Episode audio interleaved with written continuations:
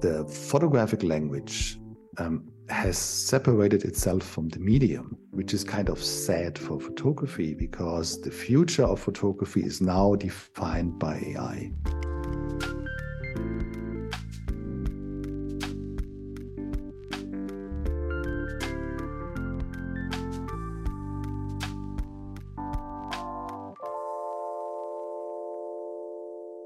Velkommen, kjære ørevenner. Velkommen, alle seerne der ute. I dag skal vi prøve noe litt nytt. Vi har en gjest som ikke er her. Altså, han er her, men han er ikke fysisk her. Han er på nett, og han er ikke i Norge engang, og han snakker heller ikke norsk. Vi har fått besøk av Boris Eldagsen fra Tyskland.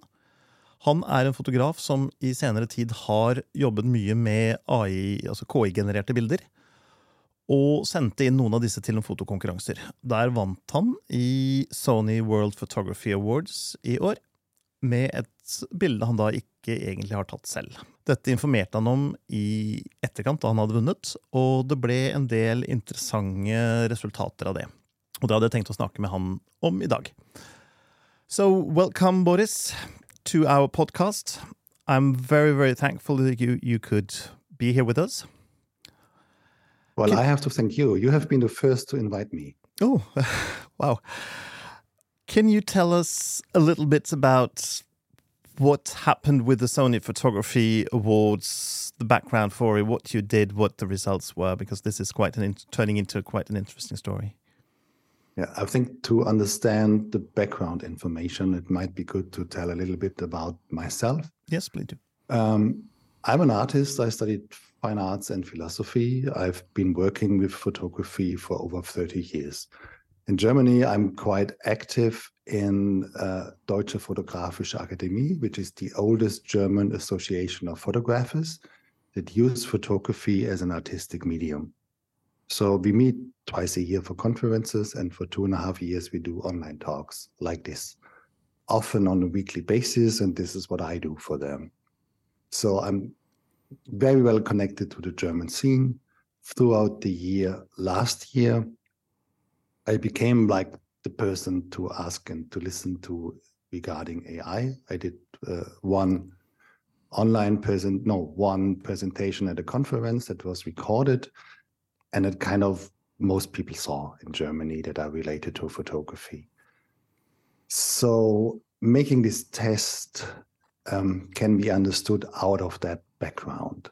Yeah, I saw what was happening. I had an idea of the consequences to come. And I just wanted to find out in autumn if uh, competitions um, are ready, are prepared. And I made a test and I used um, one and the same images, one and the same image.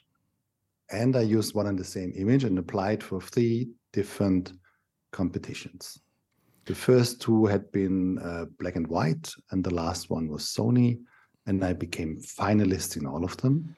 And, and all selected. three of them allowed, did not have any indication that AI generated did, images was not didn't, allowed. Didn't know before, and uh, now I got selected as a finalist. So I did this with uh, a hacker attitude, trying to test the system, not to exploit it, but then to to find out the weak spots and to say, well, there's something you need to change about it. Mm. So I applied just with the the image and the title. Um, later, they asked for the page and exhibition history, and I gave it to them. And I have no clue if they checked it or not. If you do, you can find out easily yeah, that I've been doing uh, AI only since uh, early last summer. And uh, early March, they approached me and said, Congratulations, you are the winner. And uh, I was um, not expecting that. Yeah, totally. So I sent them back an, an email the next day stating clearly um, it's very important that you are aware it's AI generated. This is how it was produced. And uh, you have two options now either just disqualify me and give the award to someone else, which would have been fine, or to say, okay, this is um, the future. We would like to to to stick to you, but and this I said from the very first beginning. Then it's very important to have an open discussion about it because there are many questions that will be raised. And the reply I got was very short. Yeah, you will remain the winner. We would be happy if you come to award ceremony. That's it. So at that time, early March, I had no clue. Are they going to communicate it or not? How are they going to communicate it? And when they sent out the press release early on 14th of March, there was no additional information. That was just like the name and the title, like one of 10 images, and that's it. But immediately, early in the morning, I was uh, contacted by the Polish uh, photo platform asking me, is it AI generated, yeah, or not? Can you give us a statement? And I said, yes, it is, and I will give you a statement. So I was drafting up that first statement, send it to the Polish platform. And um, yeah, shortly after, I got contacted by Creo, which is the organizer of the awards. I think what you have to take in account if you talk about Sony awards, it's not Sony organizing it. Yeah, it's uh, an event agency based in London called Creo, and they do a couple of awards and award ceremonies. So it's their business, and Sony gives the name and the prices and uses it as a marketing tool. Hmm. So the PR um, executive of Creo contacted me and said, Listen, Boris, we get so many inquiries regarding your image. Can you give us more information? And I could because the statement was written an hour before. I sent it to him and I said, I'm a bit surprised. Yeah. I had this conversation with your with an assistant of Creo two weeks before. Didn't you know it was AI generated? Yeah, was expected. And here's my statement to use. And I really recommend that you should use this as a chance for an open debate. So hours later in the evening, I got a short reply with a smiley and thank you. So um, I could have thought that they had used my statement. There was no response to my second suggestion of having an open discussion there was no response to my question if they had not been communi- communicating um, in their team. Just a smiley and thank you. But uh, they underestimated that I'm well connected to the German scene and they know me and they know that the work is AI generated. And they ask clearly, yeah, they in, in in sending an email, can you tell us about this work? Is it AI generated or not? And the response they got was a, like a bad politicians, blah, blah. It was like saying, Dear Thomas, thank you for your email. To quote our CEO, then we support photography it's dynamic and all expressions, blah, thank you. it was saying all and nothing, and AI was not even mentioned. Yeah? I was very disappointed that they did so. And um, the question, is it AI or not, was not settled. So people came um, to my account, and it's very easy to see it's AI. It's, it's an image that I created early September 2020. It was already posted and and uh, indicated as being AI generated. They asked me, "What's happening here? What are you doing?" Yeah, and I said, "It is AI generated." I told uh, the organization, and I also believe it's wrong that they, they don't take a clear um, position on it. And uh, I asked to those photographers, were many from Italy, said, please ask them yourselves. Maybe you get a response. They didn't. so a week later, um, they contacted, no, they contacted me asking some, can we use that image for a wine and dine magazine in South Africa? I said, yes, you can do so, but, but what is more important is to talk about all the messages you get and I get and the inquiries about the nature of that image. Yeah, and it's uh, pressuring questions that need to be approached. And I really urge you to do it. And I was asking, why didn't you use my statement? In their response, again, no reply to my question like before, didn't tell me why they used didn't use my statement, but they said, yes, good questions. um, but well, we have a Q&A on our webpage that we can offer to you. Would you be willing to do it? And we can publish it before the award ceremony in April. And I said, yes.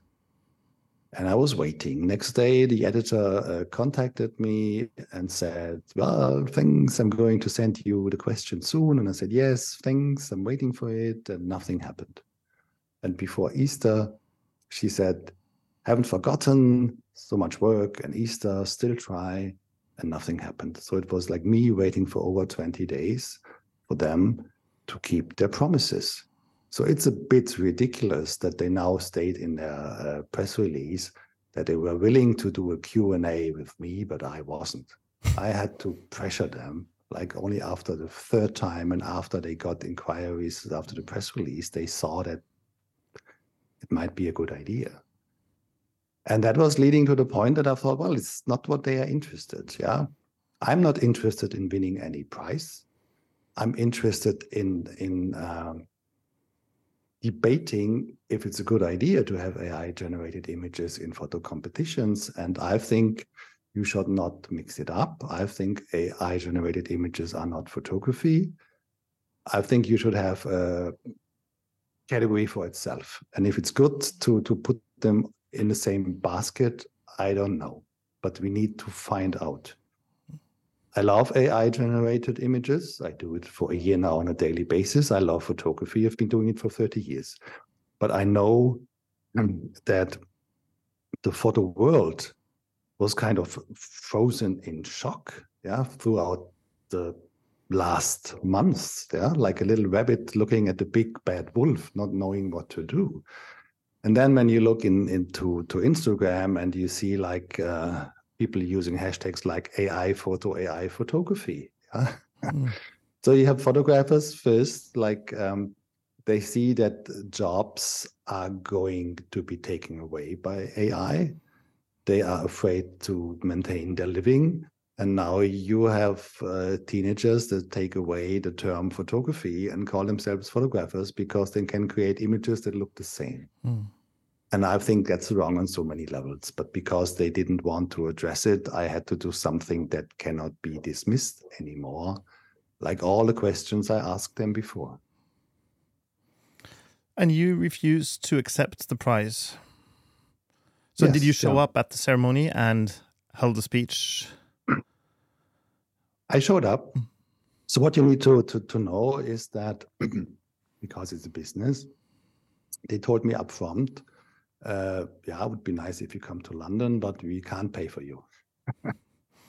they only pay for the professional uh, winners, not for the open competition. So uh, I paid 350 for my flight. I paid 150 for the hotel nearby at Hyde Park. It was totally overpriced, and I paid 200 to rent a tuxedo because it was dress code. Um, black tie. So you have to come up like this. And it wasn't that easy to find something in my size. Yeah, I'm one meter nineties. and I and I have to thank like the um, the shop that rents out um, tuxedos in uh, Berlin Schöneberg and is specialized in gay weddings. They had been the best. Yeah, they had all the stuff I needed, and I was too plumpy to fit in the trousers. They even made it wider in four days. Yeah, and then I just was flying to London with a easy ticket, hand luggage. I was basically wearing the tuxedo all time around. and went there and I prepared that little speech, the statement on my webpage, and learned it by heart in the plane. And went to the event in the evening and realized how commercial it actually was. Yeah, you have an invitation in this fancy Hilton at the park, Hyde Park, and they invite you for open doors and drinks at 6 p.m. And then you come there, there are two bars, and then you realize you have to pay for your drinks yourself. and there was I was allowed to bring a guest, so I brought a curator friend, and they had a dinner break, and they said, "Yeah, it's okay, bring a friend." Yeah, and after dinner, they uh, gave him like a forty-six pound bill, which is like sixty euros for a bottle of wine. so you see the commercial side of mm. all of it, yeah. And um, it, it started with the awards for the students and the schools, and then the open competition. And I expected to have time on stage for my statement, but I hadn't. Never been there before.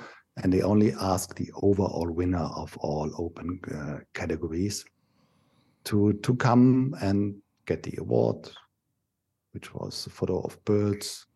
And so, yeah, I was kind of, um, yeah, taken off guard. I didn't know what to do. I was saved by the dinner break.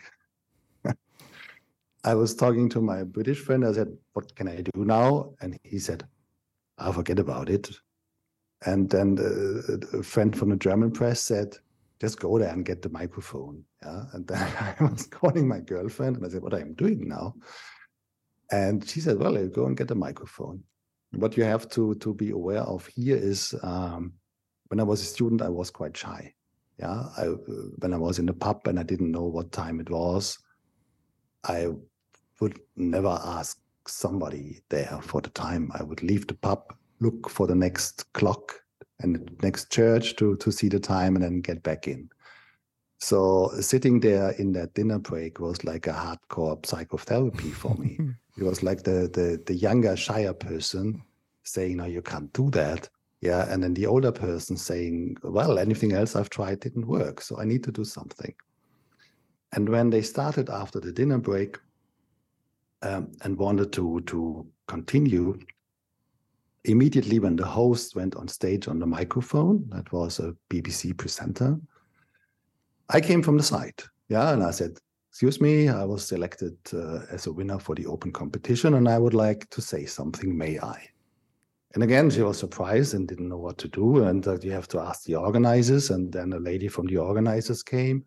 And then I thought it's now or never. Yeah. So I said my little speech, which was, I think, less than a minute. Yeah. And the two ladies were standing next to me and asked me to leave the stage because it was not okay to do something that wasn't planned. and I politely finished my speech and thank you, thanked the, the people for listening, and then went back to my place and sat down. And they continued like the show must go on. I stayed there until the end. I stayed even like 13 minutes after the show on stage was done and nothing happened. Yeah, nobody came and asked, yeah, what did you do? Why did you do it? What's the problem? How can we solve it? Um, it was like I was not existing. Yeah, there was one person, a young photographer, that also got an award. He asked me about it. He was the only person. Everything else in the room, all the people in fancy dresses, yeah, didn't want to come and talk to me, but maybe, I don't know, maybe they thought he's mad, he's 190 tall. Not our problem. Um, yeah, and then I went back to the expensive uh, hotel in that small room. And uh, yeah, it looks very fancy from the outside, but inside the rooms, it's like like Paris facade. Yeah. So basically, uh, the ceremony was just a ceremony that was to celebrate themselves and. Uh, that's a not... P, P, PR tool, mm. and it was for the Japanese guests. Mm. Yeah. Uh, but since that, things have happened. You have been removed as a winner, uh, but with no statements about it still, or um, at the evening when I returned to the hotel, it was like I don't know, eleven p.m. I sent the organizers the statement, so they have it in written form. And uh, they told me before, you give us your address and we send you the price. I never knew what the price was going to be. It was announced it was like a $5,000 year. What kind of camera, I don't know. Yeah. So I said, don't send it to me. Yeah, if you have a spare one, please donate it to the Odessa Festival in Ukraine. I can put you in contact and they could use it for good. Um, and never heard from them since. Yeah, they never thought it would be necessary to reply. Um, what I realized the next morning is that a my um, two posts on Instagram and Facebook went viral, yeah, more and more. And then it was um, taken up by a platform in South America because they woke up when I went to bed. Hmm. and then I saw that they were stating that I had been removed from the web page. So I checked it and yeah, I was gone. Yeah, I was non existing. But they had this exhibition opening, yeah, at Somerset House, London, which was very prestigious. They also have the photo fair at Somerset House. So I thought, well, I check out of the hotel and then I walk there to check it out because I knew my image was hanging on the wall a day before during uh, the press walk.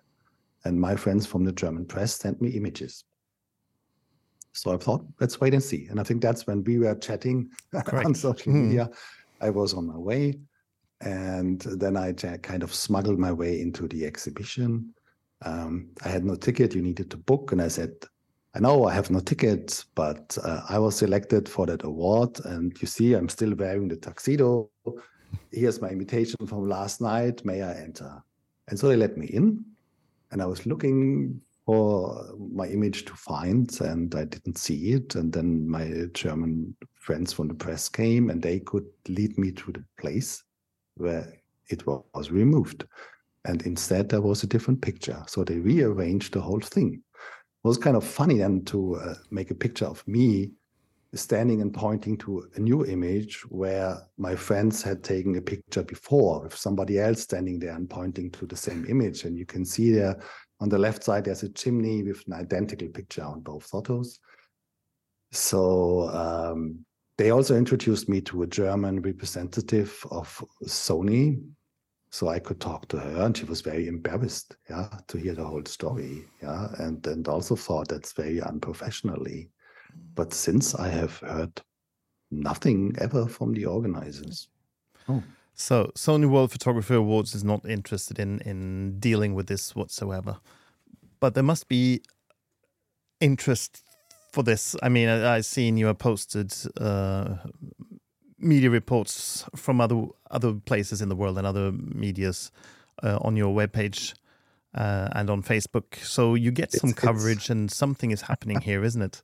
it's not some coverage it's uh, it's crazy yeah, yeah and uh, i can't put all of things on my webpage anymore um, since you and i have chatted there was a weekend with some interest and um, it really started to kick off on monday the the platforms that had interest over the weekend were platforms i have been spoken to before or have been knowing and what i could see is that the community picked it up. Uh, all of this was only possible because the community wanted to talk about it. The community said, finally, somebody is stating AI is not photography. Mm. And uh, I realized in my conversations on Facebook in the weeks before, yeah, um, that um, I had a chance to speak for the yeah the, the the majority of the photo world that this mess of terminology needs to be cleaned up and that we need to enter a discussion. So I just did. I found myself in that pool position by chance. And I thought, well, if I'm here now, I'm going to use it. But what happened over the weekend was basically grassroots. Yeah? I had a Chinese photographer approaching me saying, I translated one of your interviews into my language, and the next day he came and said 50,000 views, and the next day it was, um, yeah, press inquiry by Beijing News, and that happened on all continents. And uh, I also got a message from a deputy director of a British photo um, museum uh, that I have not known before, thanking me for speaking up. And she said, We are only talking about this for the last two days.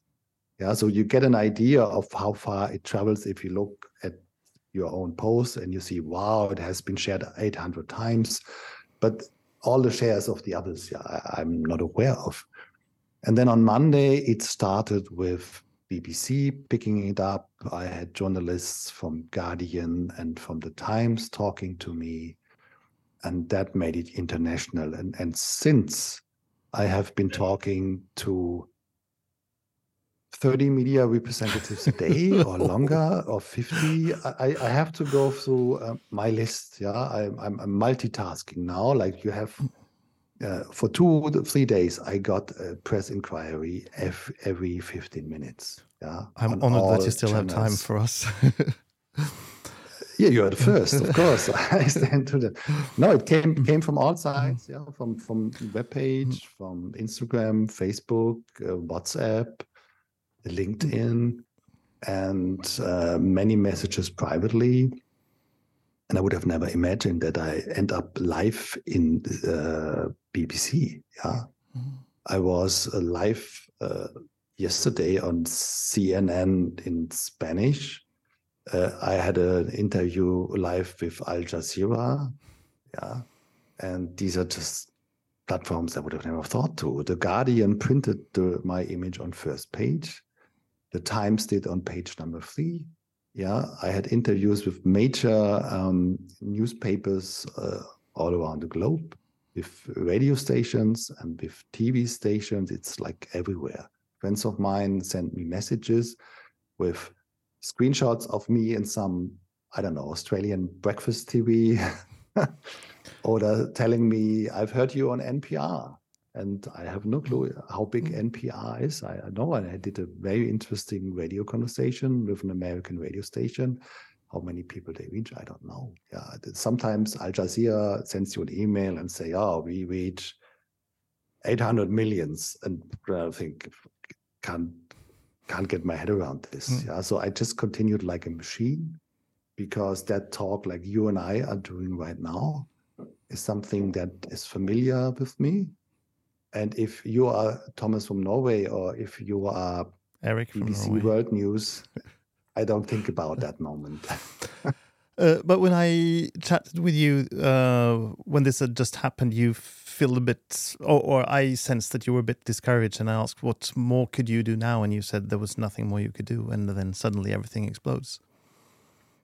I think my part was was done, and then the community took it further. And then I saw there's still something that I can do is is to talk to mm. to all the people that approach me, and to to make them aware of the situation. My hope is that in the first step we are cleaning up that mess in terminology. There are many proposals around yeah how to call AI generated images. Yes, you had a suggestion so, on your web page the other day. I had day. a suggestion. I know also other suggestions. The, the, my favorite right now and the best that I can imagine is promptography from prompt because working with prompts with text prompt is such a new way of creating images. Of course, we get more and more options on a weekly basis and uh, you can also create images not using text, but other images. But I think that that, that, that prompt is, is central. I can have a text prompt, I can have an image prompt. I create images with prompts. Mm. And soon we will not only create images with prompts, we can create sounds, we can create moving image, we can create objects and print them. Mm. But it relates to the prompt. So I think that would be a, a terminology that in encompasses all of that. Also, that the images that I produce don't look like photography, but like drawing, painting, etc. Most suggestions I found in the photo community are too photocentric. Mm. Yeah. And once we have found or, or once a certain term has become dominant, and I'm working to promote photography, it was suggested by a, by a um, photographer from Peru to me. And I said, How did you come up with that? And he said, It was just popped up reading one of your interviews. And I'm using it since and I'm promoting it. And other people told me it has been around, but not picked up that largely. and to all the media representatives I talked to, I suggested. So maybe that's the solution.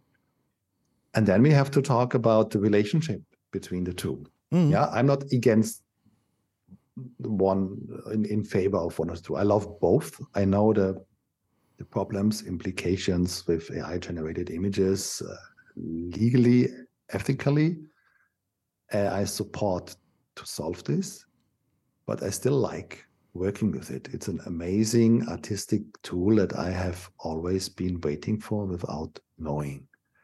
And um, the photographic language um, has separated itself from the medium. Yeah, is something in itself. It's free floating, which is kind of sad for photography because the future of photography is now defined by AI. Yes, And because in a year from now, we won't be able to discern uh, AI generated image from a photography, will we? I think it will happen until the end of the year. Mm. Yeah, yeah. But again, we we have to de- de- decide how was it produced. Yeah, and as somebody said uh, also in a comment, uh, um, yeah, you can you can have a, a warm dish, but it makes a difference if you have put it in the oven or in the microwave. it's still a warm dish, Mm. and uh, he's right. But will an AI generated image be art in the traditional sense of art, or will it be plagiarism, or will it be. How do we Well- define this when, when all the images are just taken from existing images and made into something new? it's not taped. Let's let's go back to to the basics and my basic understanding of AI and and why I love it from an artistic and philosophical perspective. And then I can can talk about the, is it art or how much is my creative um, part in that co-creation. Um, it's not copying anything. Yeah, it's not a collage, and uh, that is also a legal case. Um, but I'm very positive it's going to decide that it's not a collage. Um, for those who are not familiar with old Greek philosophy and Plato's idea, uh, theory of ideas, um, he proposed, um, he said, if you look at all the tables we have, they come in different shapes, out of different material, one leg, two legs, three legs, but um, and and this is all passing and fleeting. But there is something timeless. There is an idea of a table, and that would be basically we have something that is flat. We can put stuff on it, we can work on it, and we need something below that holds it. Yeah, one leg, two legs, more legs, I don't know. And this is the idea of a table. And uh, through the training, the AI um, managed to understand those ideas. Yeah. And through my prompts, I can now generate a certain, um, um, yeah, uh, one of the many options to have a table, but it has understood the timeless idea. Yeah. And the rest creates with, with me just, uh, yeah, So can, manually guiding it. can you um, get an image in your head and write a prompt that generates that image to your satisfaction? So with Yes. your creative elements in it. Yes. Mm. Yeah, and and uh, you have um, such a broad range to work with those uh, AI generators. Did you do it yourself? Have you practiced? Uh, a little bit only. Mm. Yeah. Well, you have the, the easy option with DALL-E 2. Yeah, it was Mhm. not updated since August. It's very simple to use. It's ease of use, and then you have the manual control on the uh, open source uh, Stable Diffusion side, and in between you find Midjourney. Um, so that makes a difference how many technical parameters yeah you can choose. And the other part is the text prompt. And that can be quite um, complex. Most people don't yeah. You, you can type it i want to have a photo of a pizza and you will get four photos of a pizza all different. And the pizza it's a photo it could be fine. Done yeah um, but there are so many parameters you can define yeah in, in in my perspective right now it's 11 You can say um, not just photo, but what kind of photo. Yeah, it's this is the Polaroid. Yeah, is the photocopy? Is it a, a daguerreotypie? Um, and you can also define the camera, the shutter speed, the lens, and so on. But there is much more. Yeah, you can say, I want a pizza. I want to have a certain pizza, Diavolo. And then there's an, an emotional quality. It should look yummy or it should look disgusting because it's a week old and it's lying on the floor and it's wet or it's burnt. Mm. And then what is my perspective? Yeah, do I look down? Do I look up and somebody is bringing it? Um, is there a, a perspective, a foreground, middle ground, background, or is it just flat? What about the light? What about the colors? What about the technical quality? Um, the image is rendered in mostly 1024 pixels, but it could look like it's 4K. It could look like it's rendered by um, engine of a computer game. Yeah, it could look like something else. And then, um, of course, you have genres. Makes a difference if I have a picture of a pizza which is advertising yeah, or it has been taken on a crime scene, or it's documentary and it's lying wet on the floor at uh, the train station. And then you have references. Most people talk about styles, but I think there's much more to it. Of course, you can uh, refer to a single artists, photographers, but you can also refer to decades. Such an image looks different if it's taken now or in the 80s. Yeah? and it looks different if if it comes out of a certain school or from a certain platform or has been um, printed in a certain magazine. Yeah, if I say this is like a cover photo from Vogue, the pizza would possibly be like a dress. Yeah, so this you can use. Um, and then you just start, you try out, you change, you fine tune, you combine. Um, and that is the, the second level of leaving the simple prompts. And the prompts all differ from platform to platform. Something that works on one platform doesn't on the other. But you can become very creative in, in doing so.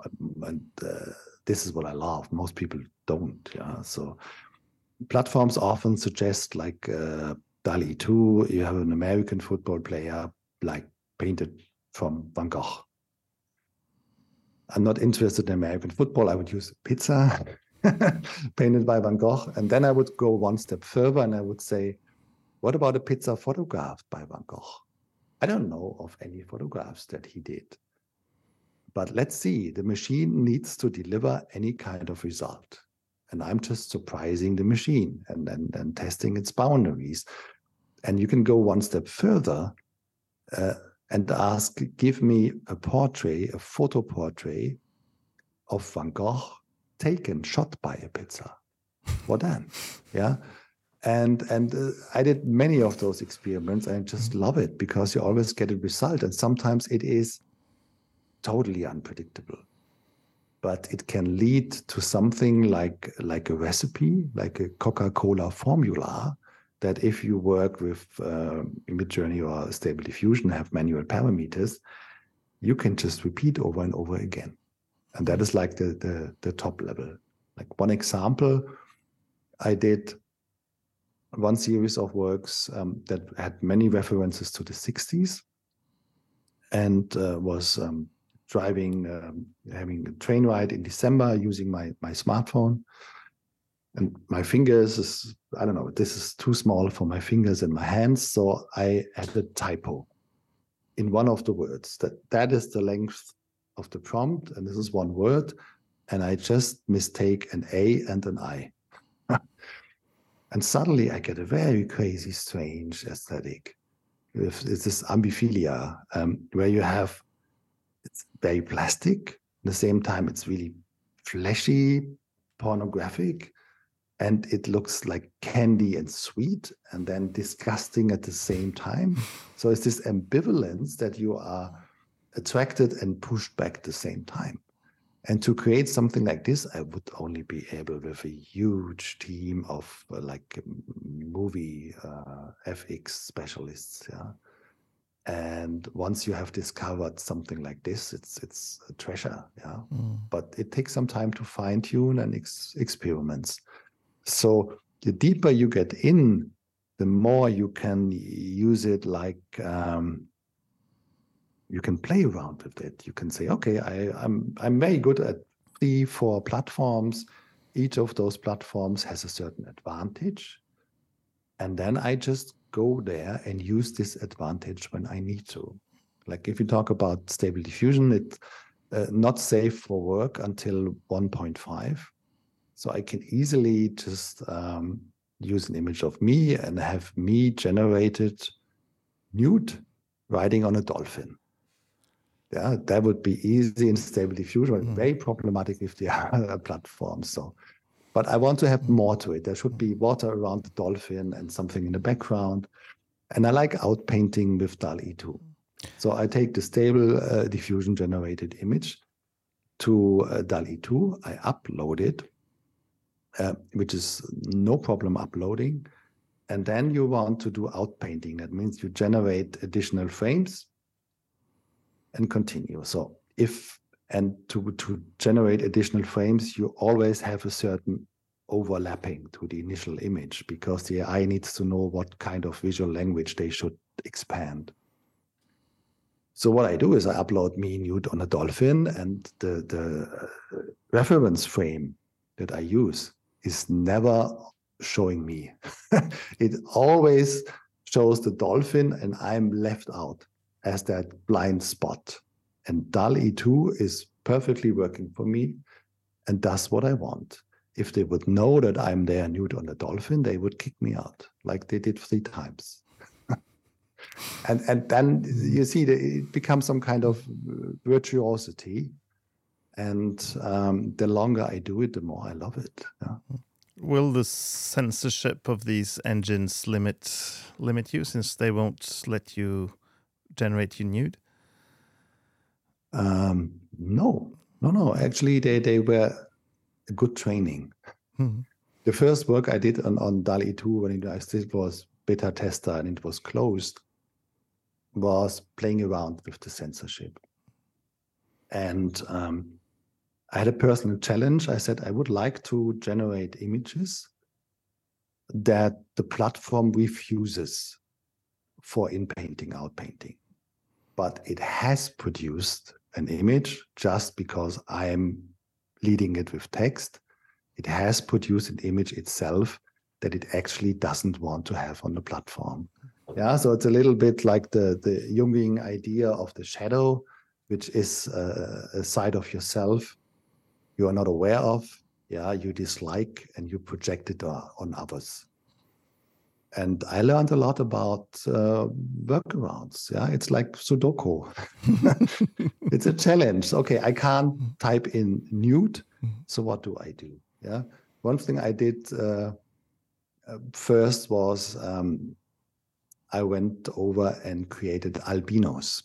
Albinos in bathers in in in, in swimming gear that is white, and do mud wrestling and mm. suddenly you have nudity all around. That was easy.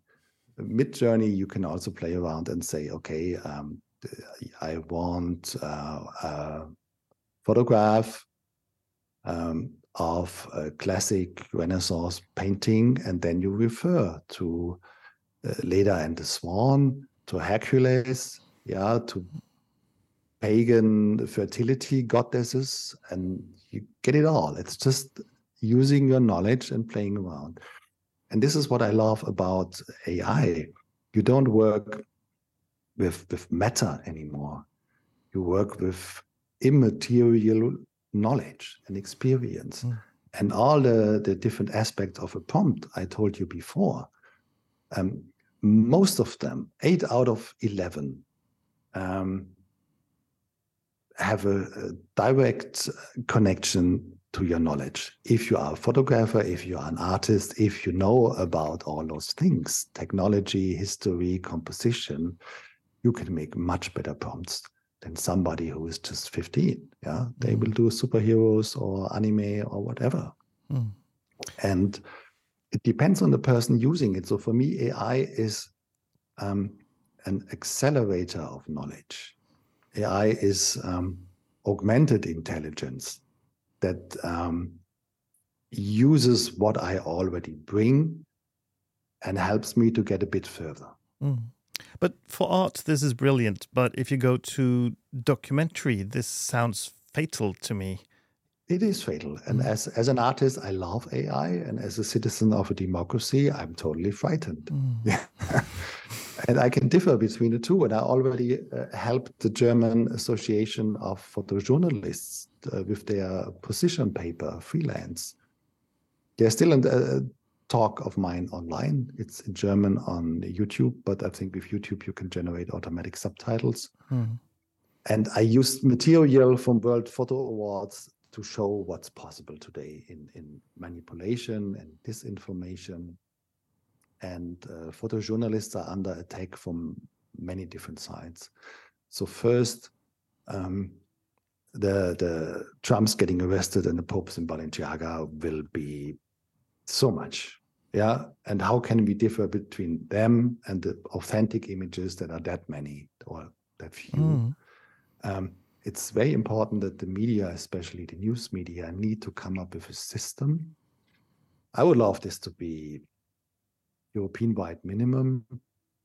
And um, the system that Freelens is suggesting to have an um, a for authentic and a g for generated yeah? you could have also something in between. but still, you need some way of verifying that because I could generate an image yes. and say that it's a photography. Yes. Second step hmm. how do we verify it? I had a discussion with a, picture editor of a big, uh, like from Spiegel Verlag in Germany, is one of the largest. And he said, I'm doing it for 10 years. The work gets more and more. And it is a lot of research from all the interviews I have done, there was just like Reuters as a news agency checking a portrait, me standing next to a wallpaper of my image, if that was real or not. So I provided the location. It's a, a city gallery in Berlin. It was the finissage in March.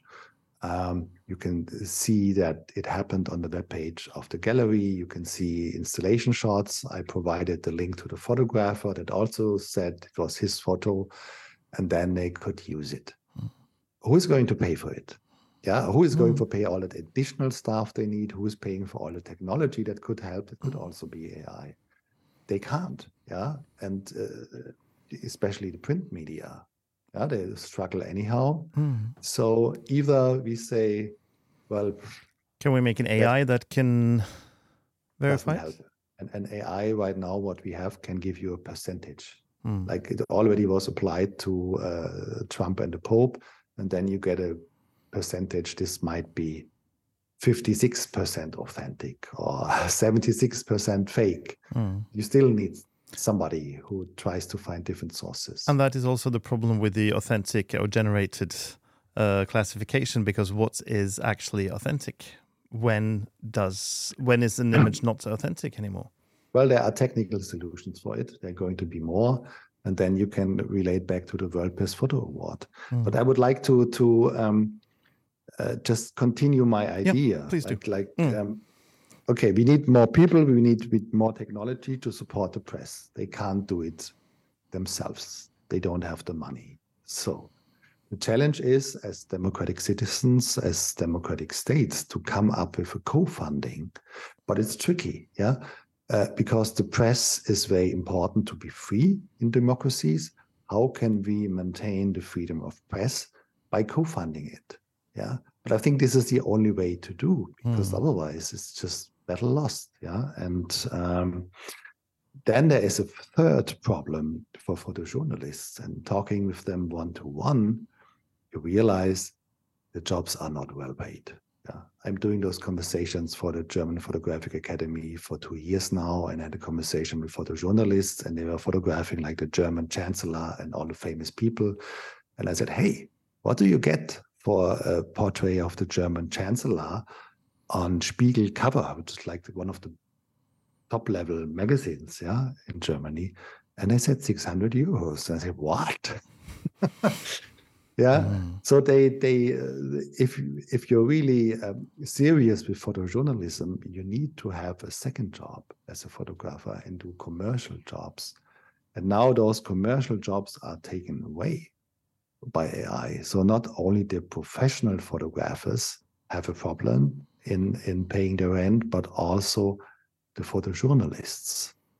Yeah, it's it's complex. I kind of see more than others because of that work I do in Germany and also in Deutscher Fotorat. Have you have you been talking about Fotorat yet? No. No. no. Um, my association is like 104 years old, but it's not the only one. It's like the art photographers. You have commercial photographers, you have photojournalists, yeah, you have uh, female photographers club, and so on. Uh, one and a half years ago, all of them managed to get together and to create a kind of umbrella organization, which is called Deutscher Fotorat. It's the German Photo Council. And there's a, uh, working group, a task force on AI. And I'm very active there. I'm a member. Um, I'm the one that helps to inform what's technically possible right now. And we managed in February, March that all of the different members drafted up a position paper from their perspective. So, of course, the perspective from an art photographer differs from a commercial photographer. And now in, in April, I'm very proud that as a second step, we managed to get all of this together. Yeah, to, to see the overlapping points, to agree on certain things, and have published yesterday uh, a position paper for all members to be um, a visible um, organization to talk to. Yeah, so the politicians can get advice. Yeah, that we identify the problems, so we can speed up trying to solve it. Mm-hmm. And this is why I have those insights. Yeah, because I have been involved with all of this and talking to all of them. Is there a future for photography at all? I mean, if you today have a studio and you take portraits of families coming in, and next year they can just take a lousy picture with their phone and say, "Hey, I want set light set from there with a beauty dish at that angle, and I want to wear this in the style of that photographer and that uh, time period," and they suddenly have a brilliant image of themselves. Looks like it's taken by David Bailey or someone. Mm, maybe. Well, I think there is the the will get tougher for photographers. It it has get it, it, it, it did get tougher already in the past, and it will in the future. Um, but I also see a chance um, in um, photographers uh, developing into this new world. And since January, I'm doing teaching workshops on this in Germany. And the, the people that come to my uh, workshops are picture editors, are professors of photography, commercial photographers, and teachers that are very influential in drafting up the books you use for classes, art classes. Um, and what I say to all of them, you have a unique knowledge I don't have. and it's about finding out um, where you can use AI in your workflow and how you can enhance it. And even as somebody who does wedding photography, um, you can um, add it to your portfolio. And that is something new. Are you hearing that hammering or is it just Yeah, me? no problem. I can I can start again if you want to. No, that's fine. um, well, in the past, you you photograph like a wedding and and, and put uh, bride and groom in a park, yeah, in front of some landmark, yeah. And uh, if there, if you are in a certain city, there's three, four, five places you go, and that's it. mm. But now you can have like a proper portrait lighting and so on, and you can ask um, your client, where would you like to be? In the Amazonas, on Mars, yeah, Star Wars, or in old Rome, no problem. I can do it for you and uh, also with uh, product photography we still need to um, see how how the product looks like yeah this is what i would like to buy And so you have proper images from all sides. You can generate a little textual inversion and then um, work with the real picture of a product and create the framing. The model mm-hmm. is wearing it, um, the, the place where it's presented. There are possible options to um, uh, offer more in your portfolio and also to work in a way that you save time and money. Mm. And this is just some glimpses. And what I'll uh, say to, to, to people in the workshop is you, you will find out. You know uh, which kind of jobs you have been doing in the past. I'm showing you what's, what's possible with the technology today, and the rest you will figure out yourself. And they do. Mm. There are companies now that do uh, business portraits. They go to a, business and they take portraits of everyone, and they take lots of pictures around uh, the location. And then, if the business wants like a group photo in front of the entrance, they can just generate a group photo of everyone in front of the engine, wherever uh, entrance, and everyone looks fine. Or yeah. in the sofa in some nice place, or they can just make any image the company wants. Problem is, of course, that they won't need the photographer the next time because they can just have these images generated.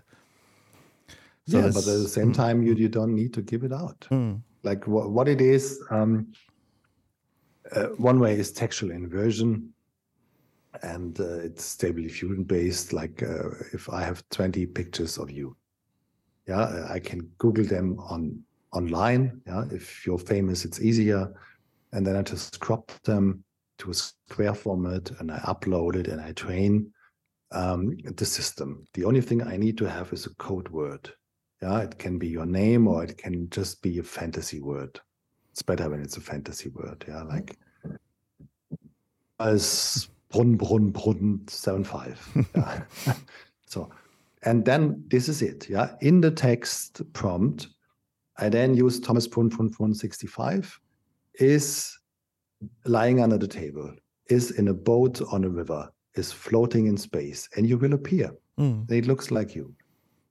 But this is what I do in my backend, and you don't need to hand it out to the client. Mm. I don't know. It's it's unwritten. It's it's new continents. But my position is um, you need to be aware of what's possible to find out how you can use it to survive this. Mm. Exactly. That's a very good uh, statement. Is there anything you would like to add before we wound up here? Wind up? Before we start with drinks.